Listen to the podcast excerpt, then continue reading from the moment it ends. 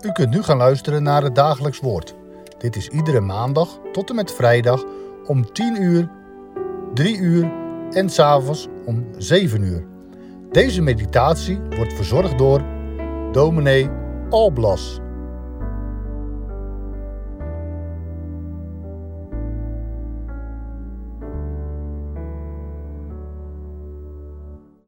Van harte welkom bij deze uitzending van het Dagelijks Woord. Wij lezen verder uit het Bijbelboek Daniel. Hoofdstuk 10 is vandaag aan de beurt, vanaf vers 20, en we lezen door in hoofdstuk 11 tot en met vers 4. Toen zei hij: Weet u waarom ik naar u toe ben gekomen? Nu zal ik terugkeren om tegen de vorst van Perzië te strijden. En zodra ik vertrokken ben, zie, dan zal de vorst van Griekenland komen. Ik zal u echter vertellen wat is opgetekend in het boek van de waarheid. Al maakt niet één zich met mij sterk tegen hen, behalve uw vorst Michael. En ik, ik stond in het eerste jaar van Darius de Medier hem terzijde als steun en toeverlaat. Nu zal ik u dan de waarheid bekendmaken. Zie, er zullen nog drie koningen in Perzië aan de macht komen, en de vierde zal grotere rijkdom verwerven dan alle anderen. Als hij sterk geworden is door zijn rijkdom, zal hij allen opzetten tegen het koninkrijk Griekenland. Daarna zal er een machtige koning aan de macht komen die met grote heerschappij zal heersen en zal handelen naar eigen goeddunken. Zodra hij echter aan de macht komt, zal zijn koninkrijk verbroken worden en opgedeeld worden naar de vier windstreken van de hemel, maar niet voor zijn nakomelingen en niet overeenkomstig de heerschappij waarmee hij had geheerst. Want zijn koninkrijk zal uiteengerukt worden en zal zijn voor anderen dan voor hen. Tot zover dit gedeelte, een profetie. Maar wat is deze profetie concreet? Dat is het wat me vooral opvalt zo bij lezing. De namen van de machthebbers worden genoemd van de koninkrijken en de gebeurtenissen worden duidelijk getekend. De datering is bijna precies. Die rijken die zullen opkomen, die de macht zullen grijpen en weer ten onder zullen gaan. Ja, Daniel weet wat er gaat gebeuren. Nu ga ik niet helemaal uitleggen wat hier allemaal precies beschreven wordt en hoe dat inderdaad in de loop van de tijd tot vervulling is gekomen. Het zet me wel aan het denken, wat is nou eigenlijk een profetie? Gaat het er nu inderdaad om dat Daniel weet wat er gaat gebeuren? Dat je van de actualiteit kunt zeggen, nou ik wist het wel, want God heeft me dat al van tevoren laten weten. Ik denk niet dat dat de bedoeling is van een profetie. God laat het weten met een bepaalde bedoeling. En die bedoeling is ook hier heel duidelijk. Daniel raakt niet in de war bij de gebeurtenissen die plaats zullen gaan vinden. Bij al dat gebeuren met machtige rijken die vallen en anderen die nog machtiger lijken en dus ook nog verwoestender en opeens ook weer verdwijnen. Het machtsspel van de wereldleiders stelt eigenlijk niet veel voor. Want achter dat alles, achter de actualiteit, achter datgene wat het nieuws, het dagelijks nieuwsje vertelt, daarachter ben ik, de Heere, aan het werk.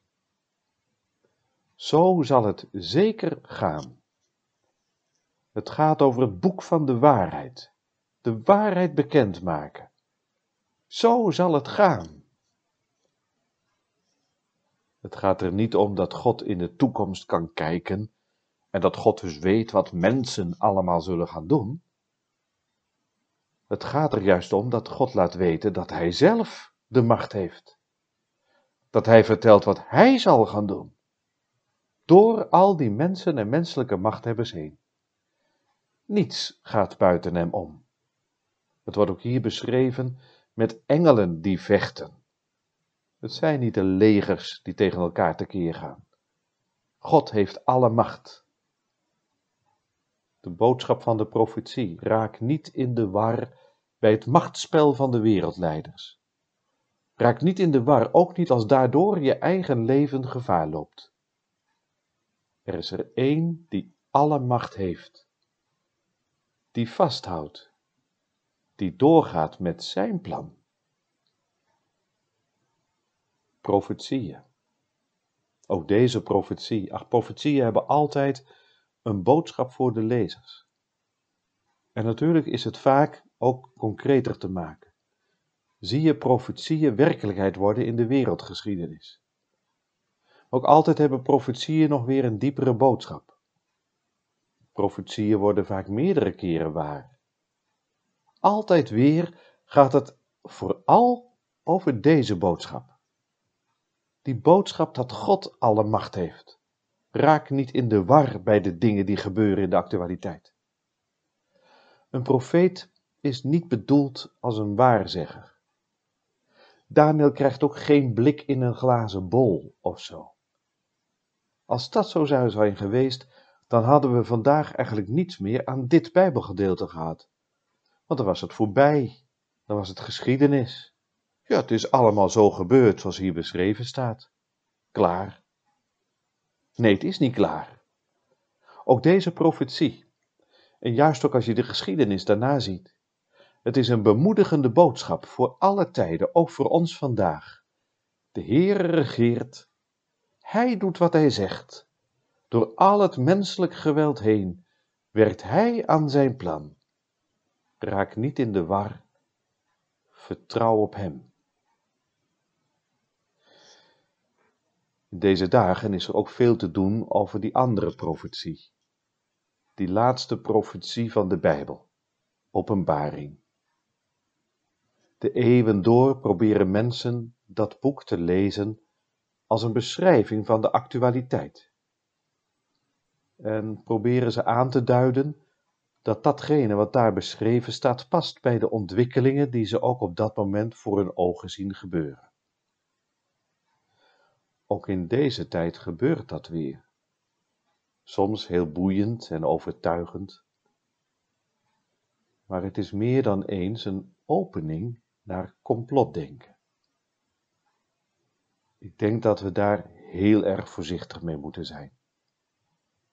Wat het wel is, zowel openbaring als Daniel, de boodschap dat de Heer regeert, dat Hij de overwinnaar is en dat daarbij de naam van Jezus moet klinken, de overste van de koningen der aarde. Dat is Hij. En Hij zal eens alle vijanden onder zijn voeten leggen, zelfs de dood. En zijn rijk zal eeuwig zijn, daar geen rouw meer en geen tranen, maar één loflied voor Hem, die op de troon zit, en voor het lam. Ook vandaag klinkt deze boodschap. Houd u vast aan God zelf, aan Zijn woord, aan Zijn belofte. Dat zal zeker gebeuren in Jezus Christus. Raak niet in de war bij de gebeurtenissen in de actualiteit. God is aan het werk. Hij laat nooit los. Vertrouw Hem maar. Laten wij samen bidden. Wij danken u, o God, dat u regeert en dat u ons dat steeds weer laat weten, ook in deze tijd. We raken soms toch wel in de war bij de gebeurtenissen die er zijn. De actualiteit is soms zo moeilijk te begrijpen en voor onze ogen lijkt het soms alsof u dan weg, ver weg bent. En toch hebt u ons ook vandaag weer een blik gegeven achter de schermen want u bent aan het werk, u gaat door. En ook menselijke machthebbers en andere ontwikkelingen in de actualiteit van nu net zo goed. Het is ondergeschikt aan u. U regeert. En u laat u niet van uw plan afbrengen. We zijn u daar dankbaar voor. En wij bidden u, leg ook in ons hart dat vertrouwen, dat houvast wat er ook gebeurt en hoe het zal gaan. U laat de wereld niet uit de hand vallen. En wat er ook gebeurt en hoe het ook zal gaan, ook in ons persoonlijk leven. U laat ook ons niet uit uw hand vallen. Want de overste van de koningen der aarde, dat bent u, o Heere Jezus. De gekruisigde, men zie u leeft. kruis en open graf. Zelfs dood is overwonnen, zo prijzen wij uw naam. En bidden wij u, help ons om daaraan vast te houden. In tijden van moeite, van verdriet en van zorg. Maar dat we weten mogen, bij u zijn we veilig. Uw belofte doet u gestand. U doet wat u zegt. En eens zal daar zijn de nieuwe hemel en de nieuwe aarde. Daar geen rouw meer en geen tranen. Ja, zo bidden wij weer God om bemoediging, om hoop en uitzicht, om kracht om vol te houden. Wees met ons, om Jezus wil. Amen.